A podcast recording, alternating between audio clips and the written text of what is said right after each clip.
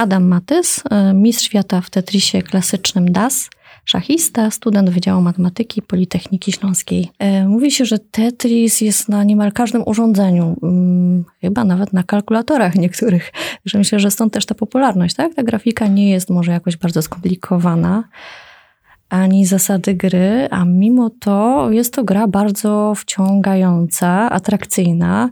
E, ma blisko 40 lat, bo powstała w 1984 roku. Co takiego jest w tej grze? Jak pan myśli, czy tutaj mm, psychologia coś mówi na ten temat? Nie mam pojęcia, co mówi na ten temat psychologia. Na temat w Tetrisie na pewno bardzo ważne jest to, że jest naprawdę bardzo łatwo zacząć. Nie trzeba zbyt wiele umieć, żeby wziąć grę do ręki i samemu się zorientować, czy idzie dobrze, czy idzie źle. Oczywiście na takim bardzo podstawowym poziomie. Same układy są do, właściwie bardzo proste. Mhm. E, tak jak sam nawet treningu polega on na tym, żeby tych układów, tak, czyli takich typowych ustawień planszy, ustawień e, właśnie elementów na planszy, nauczyć się jak najwięcej, potem bardzo dobrze się w nich orientować. Każdy pojedynczy układ jest bardzo prosty. Wystarczy pojąć tylko takie absolutne podstawy. Tego jest się w stanie nauczyć nawet w kilka godzin, i potem można zrozumieć nawet najtrudniejsze rzeczy, o ile to jest taka rzecz pojedyncza. Mhm. Problem polega na tym, że takich rzeczy są praktycznie ty tysiące, a trzeba się w nich bardzo dobrze, bardzo biegle orientować i bardzo szybko przeskakiwać z jednej na drugą, co niekoniecznie da się zrobić w kontrolowany sposób. Mhm. Pan mówił, e, że trzeba zacząć, e, zacząć grać, ale mm, mówił Pan też w jednym z wywiadów, że e, Pana początek był trochę inny, że Pan zobaczył rozgrywkę, ćwierćfinał w wykonaniu Fina Janiego Herlewi i coś Pana tak zainteresowało, że postanowił Pan sam spróbować, tak? W tym siłku. Tak, dokładnie. Zobaczyłem wtedy, że to musi być coś więcej niż zwykła gra, że tam y, podobnie jak w grach typu szachy, warsaby, jest coś, czego rzeczywiście można nauczyć, że można ten element fizyczny zupełnie wyeliminować na samym początku i tylko patrzeć, myśleć. Mhm, I tak pan robił. Zdaje się, że przez kilka miesięcy, czy nawet dłużej, obserwował pan, jak grają najlepsi. O, cały czas to obserwuję. Trzeba się orientować, trzeba oglądać lepszych, nawet niekoniecznie le, lepszych, ale ogólnie zawodników na zbliżonym poziomie, nawet tych na niższym poziomie, ponieważ u tych na niższych poziomie oni często mają bardzo ciekawe pomysły, niekoniecznie dobre, ale i tak warto je przeglądać, ponieważ mhm. są to rzeczy, które wśród tych najlepszych zawodników raczej się nie zgadzają. Tam można znaleźć bardzo wiele nowych pomysłów, miejsc do poprawy. Mhm. A czy ci poszczególni gracze mogą mieć jakieś takie indywidualne techniki, style? Czy można rozpoznać u kogoś coś takiego? Jeśli chodzi o technikę przesuwania elementów, w dzisiejszych czasach byłoby to dosyć trudne do rozpoznania. Oczywiście mamy te trzy podstawowe style. Co prawda jest kilka osób, tak bardzo charakterystyczny w skrajnościach, że ktoś gra czystym dasem, albo bardzo szybko ro roluje, albo używa bardzo dużo quick-tapów, gdy nie trzeba, to być może dałoby się rozpoznać, ale byłoby to bardzo trudne. Na pewno nie dałoby się tak, że patrzymy na grę i tylko potem wiemy, że to gra ten zawodnik. Mhm, Natomiast jeśli chodzi o sam stacking, czyli układanie tych elementów, jest y, sporo zawodników, które, którzy mają takie swoje charakterystyczne zagrania, robią coś częściej niż inni. Natomiast znowu, żeby zorientować się, kto gra daną grę, praktycznie prawdopodobnie dana gra jest zbyt krótka. Natomiast gdyby pooglądać kilka godzin, mieć materiał porównawczy, jest spora szansa, żeby się udało. Mhm. A u pana jest coś takiego charakterystycznego?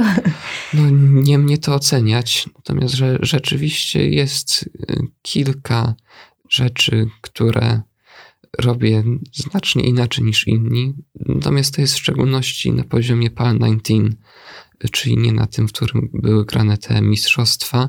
Tam rzecz rzeczywiście prawdopodobnie dość łatwo byłoby mnie rozpoznać. Mhm. A może pan tak pokrótce powiedzieć, czym różnią się te trzy style? Oczywiście, wszystkimi trzema stylami gramy na tym samym kontrole, kontrolerze. Zasady wymagają tego, żeby kontroler, na którym gramy w turnieju, był jak najbardziej zbliżony do oryginalnego. Jest możliwe kilka odstępstw, że można sobie na przykład kontroler odwrócić, tak jak w oryginalnym kontrolerze elementy w lewo-prawo przesuwamy częścią kontrolera, która znajduje się po lewej stronie, a obracami tymi, które są po prawej, możemy to sobie odwrócić. Istnieje taki inny kontroler, nazywa się Dogbone, który jest trochę większy, ale również bardzo podobny. Natomiast wszystkie style, jeśli chodzi o kontrolę, sprowadzają się do tego, żeby mieć w ręce mniej więcej to samo, żeby nie mieć niczego, co dałoby nam wyraźną przewagę. Ten kontroler jest dosyć kanciasty, dlatego często trzeba sobie pomóc innymi narzędziami, na przykład rękawiczką, y, czy nie, niektórzy teraz używają takich specjalnych jakby plastrów na nodze, coś, coś w tym stylu. Y, natomiast w samym kontrolerze grając stylem DAS charakteryzuje go to, że przesuwając elementy w prawo, w lewo, po prostu trzymamy, przytrzymujemy wciśnięty przycisk i element wtedy sam prze, przesuwa. Grając drugim stylem, tak zwanym hypertapem, wtedy po prostu te przyciski, które przesuwają w lewo, w prawo, bardzo szybko naciskamy, zwykle jednym palcem. Natomiast tą techniką, która teraz dominuje, czyli tak zwanym rolem, bierzemy kontroler jakby w drugą stronę, że naciskamy go od tyłu i przejeżdżamy w zależności od tego, ile mamy przesunąć dany element, aż do pięciu razy od tyłu, wszystkimi pięcioma palcami, co powoduje, że element jest w stanie przesunąć się zdecydowanie szybciej niż innymi stylami. W tym momencie no, techniką dominującą jest oczywiście roll, natomiast stworzone są już specjalne turnieje dla stylu DAS, tego stylu klasycznego. W wielkim skrócie te style można by porównać do stylu w pływaniu. Tak jak ten roll byłby stylem dowolnym, tak styl y, DAS byłby stylem klasycznym żabką. I również wygląda, rywalizacja wygląda tak samo. Grając DASem przeciwko rollowi, jest, to jest mniej więcej tak samo, jakby pływać żabką przeciwko stylu dowol, stylowi dowolnemu. Oczywiście, jeśli przeciwnik pływa beznadziejnie, i tak się wygra, ale jeśli jest na jakkolwiek y, odpowiednim poziomie, nie ma się żadnych szans. Mhm, rozumiem. Czyli sukces y, Tetrisa jest nie tylko w głowie, ale trochę jednak w dłoniach, także trzeba o te dłonie dbać. Tak, przede wszystkim. Y, a ostatecznie nieważne, jak, jakiej wiedzy byś nie posiadało, jeśli nie jest się w stanie tego wykonać na planszy, nic nie jest się w stanie zrobić, a technika musi być, jest naprawdę bardzo wymagająca. Grając w wersji PAL na poziomie 19 DASem, tam jeśli chcemy zrobić najwyższy quick tap, musimy go trafić z dokładnością do jednej klatki, czyli margines błędu wynosi około 1,5 sekundy. Y a ile godzin y dziennie albo jak długo trzeba trenować, żeby osiągać takie wyniki mistrzowskie?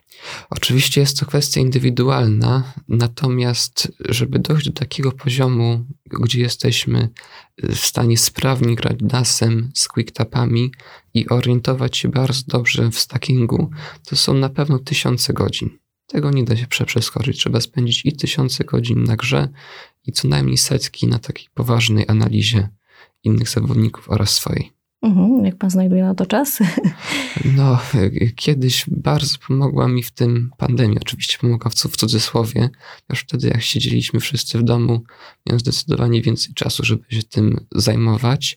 I rzeczywiście było tak, że przez praktycznie dwa lata, niemalże dzień w dzień, grałem albo oglądałem zwykle to i to przez kilka godzin dziennie. Mm, to bardzo dużo. E, zastanawiam się, mm, czy po wyłączeniu gry mózg, który jest przyzwyczajony do mm, e, dostrzegania tych kształtów tetromino, również poza tą rzeczywistością gry, panu zdarza się widzieć to takiej w, w, w realu? Nie, w realu mi się nie zdarza, natomiast byłbym w stanie wyobrazić sobie grę w pamięci. Tak samo kiedyś się zajmowałem tak zwanym Tetrisem Invisible, czyli mhm. wtedy, kiedy tak, taką jakby odmianą, modyfikacją, że kiedy element spadnie, staje się niewidoczny. Więc wygląda to tak, jakbyśmy grali na pustej planszy, tylko widzieli ten, który spada i te elementy, które spadły, po prostu trzeba zap zapamiętać. To da się zrobić, dałoby się to wytrenować. Tam nie zaszedłem zbyt daleko, odpuściłem to sobie, ponieważ nie leżało to wtedy w moim zainteresowaniu. Natomiast tego po prostu da się nauczyć, żeby pamiętać. Tak samo jak da się na przykład nauczyć grać partię w szachy na ślepo, pamiętając całą pozycję. Podobnie da się z Tetrisem. Jedyna różnica jest taka, że tutaj, jeśli czegoś już się zapomni, to już się tego nie uratuje. Mhm. No, trzeba mieć e, znakomitą pamięć. Wspomniał Pan e, o szachach. Właściwie to Pan zaczął od szachów, prawda? No, tu gram w szachy i grałem zdecydowanie wcześniej, natomiast szachy a Tetris nie miały wspólnego początku. Tetris był przypadkiem, w szachy grałem już odkąd miałem kilka lat, tylko na bardzo takim tylko zaciszu domowym. Natomiast potem trafiłem na zajęcia e, do państwa Kaulów, do bytomskiego MDK numer jeden. No i tam jakieś sukcesy też chyba pan no, odniósł. No z tymi sukcesami to może nie przesadzajmy, że rzeczywiście y, gram już tam, już teraz jestem tam ósmy rok i bardzo mi się to podoba. Chciałam jeszcze spytać o takie predyspozycje, y, czy do szachów, czy do Tetris. Rozumiem, że to od najmłodszych lat pan wykazywał, tak? Zdolności matematyczne, zresztą wybrał pan matematykę. Mówiąc szczerze, nie jestem przekonany, czy Tetris, szachy i matematyka mają koniecznie coś ze sobą wspólnego. Na pewno potrzebne są predyspozycje, tak jak w każdym sporcie. Pewnego poziomu po prostu się nie, nie przeskoczy, nie da się. Natomiast rzeczywiście w Tetrisie i w szachach bardzo pomaga młody wiek. To widać między innymi po turniejach, ile wynosi tam średnia wieku zawodników z czołówki. W tym momencie myślę, że jestem już zdecydowanie powyżej średniej, mam 20 lat. E, ale jest coś chyba, co łączy Tetris i szachy szybkie, bo pan jest dobry w szachach szybkich, to właśnie ta szybkość podejmowania decyzji, reakcje, to pana jakby motywuje? W Tetrisie niekoniecznie możemy nawet, moim zdaniem, niekoniecznie możemy mówić o czymś takim jak szybkość podejmowania decyzji tę szybkość podejmowania decyzji po prostu narzuca gra. Elementy spadają z konkretną szybkością i nic z tym nie możemy zrobić. Albo gramy tak, jak gra dyktuje, albo od razu przegramy. Mhm. Więc to nie jest tak, że do, nie jest tak do końca, że to, jak szybko gramy, jest tutaj decydujący. Do tej szybkości po prostu się przyzwyczaja. I do każdej, która występuje w tej grze, każdy jest się w stanie przy, przyzwyczaić. Jedyne, co to jednemu zajmie, to trochę dłużej, drugiemu trochę krócej. No ale takie emocje podczas mistrzostw musiały być ogromne. Może pan powiedzieć, jak wyglądają od środka właśnie takie mistrzostwa? Czy tam jest także publiczność, czy to jest tak, że e, jednak e, głównie ogląda się online takie, taką rywalizację? To wszystko zależy od turnieju, natomiast te, między innymi e, te Mistrzostwa Świata DAS, które wygrałem, jak i większość turniejów y, takich na żywo, w których miałem okazję brać udział. Wygląda tak, że na początku są kwalifikacje, tam każdy gra kilka gier na, poziom, na podstawie tych kwalifikacji, następnie jest tworzona drabinka, potem gramy zwykłym systemem pucharowym i że rzeczywiście y, jest tak, że zawodnicy po prostu grają, inni oglądają, mogą oglądać na miejscu, do tego idzie stream na Twitchu w internecie. Tam zwykle ogląda zdecydowanie więcej osób niż w rzeczywistości na żywo. A czy mm, niektórym graczom puszczają nerwy? czy zdarzają się tam jakieś takie sytuacje nieprzewidziane też? Czy wszyscy są raczej opanowani? Jeśli chodzi o jakby takie zachowanie, coś co lubimy oglądać w internecie, to raczej się nie zdarza. Natomiast, żeby że, że rzeczywiście było widać po zawodniku, że jego gra zdecydowanie psuje się przez nerwy, także nic nie jest w stanie z tym robić, to rzeczywiście tak zdarza się. Mhm. To właściwie w e-sporcie byliby też potrzebni psychologowie. No cóż, znowu, nie, nie mnie to ocenić, czy w Tetrisie tacy by się przydali. Jeśli ktoś odczuwa taką potrzebę, mhm. to jak najbardziej w ciemno polecam. Natomiast sama tego typu psychologia sportu z mojej strony, wiem, że to może tak trochę nieodpowiednio zabrzmi, moim zdaniem jest trochę przereklamowana. Najważniejsze są mimo wszystko umiejętności to psycholog jest w stanie tylko pomóc je wykorzystać. Natomiast jak nie ma się tych samych umiejętności, żaden psycholog nic nie pomoże. Mhm. A czy pan łączy z sportem swoją przyszłość? Nie, wątpię. W Tetrisie nie ma pieniędzy. Natomiast jakby samo zajmowanie się tym przez kolejne kilkanaście, kilkadziesiąt lat jest co najmniej prawdopodobne. I ostatnie pytanie, jakie mm, przed Panem wyzwanie tetrisowe wkrótce? O, tetrisowe w listopadzie Mistrzostwa Europy Kopenhadze, tam się wybieram. Tam niestety będzie bardzo trudno cokolwiek ugrać, ponieważ te, tam dozwolone są wszystkie style, więc tak jak mówiłem, tak jakbym spróbował ścigać się żabką przeciwko stylowi dowolnemu. Natomiast tak, żeby tym zakwalifikować się i wygrać jeden, dwa mecze jest co najmniej możliwe.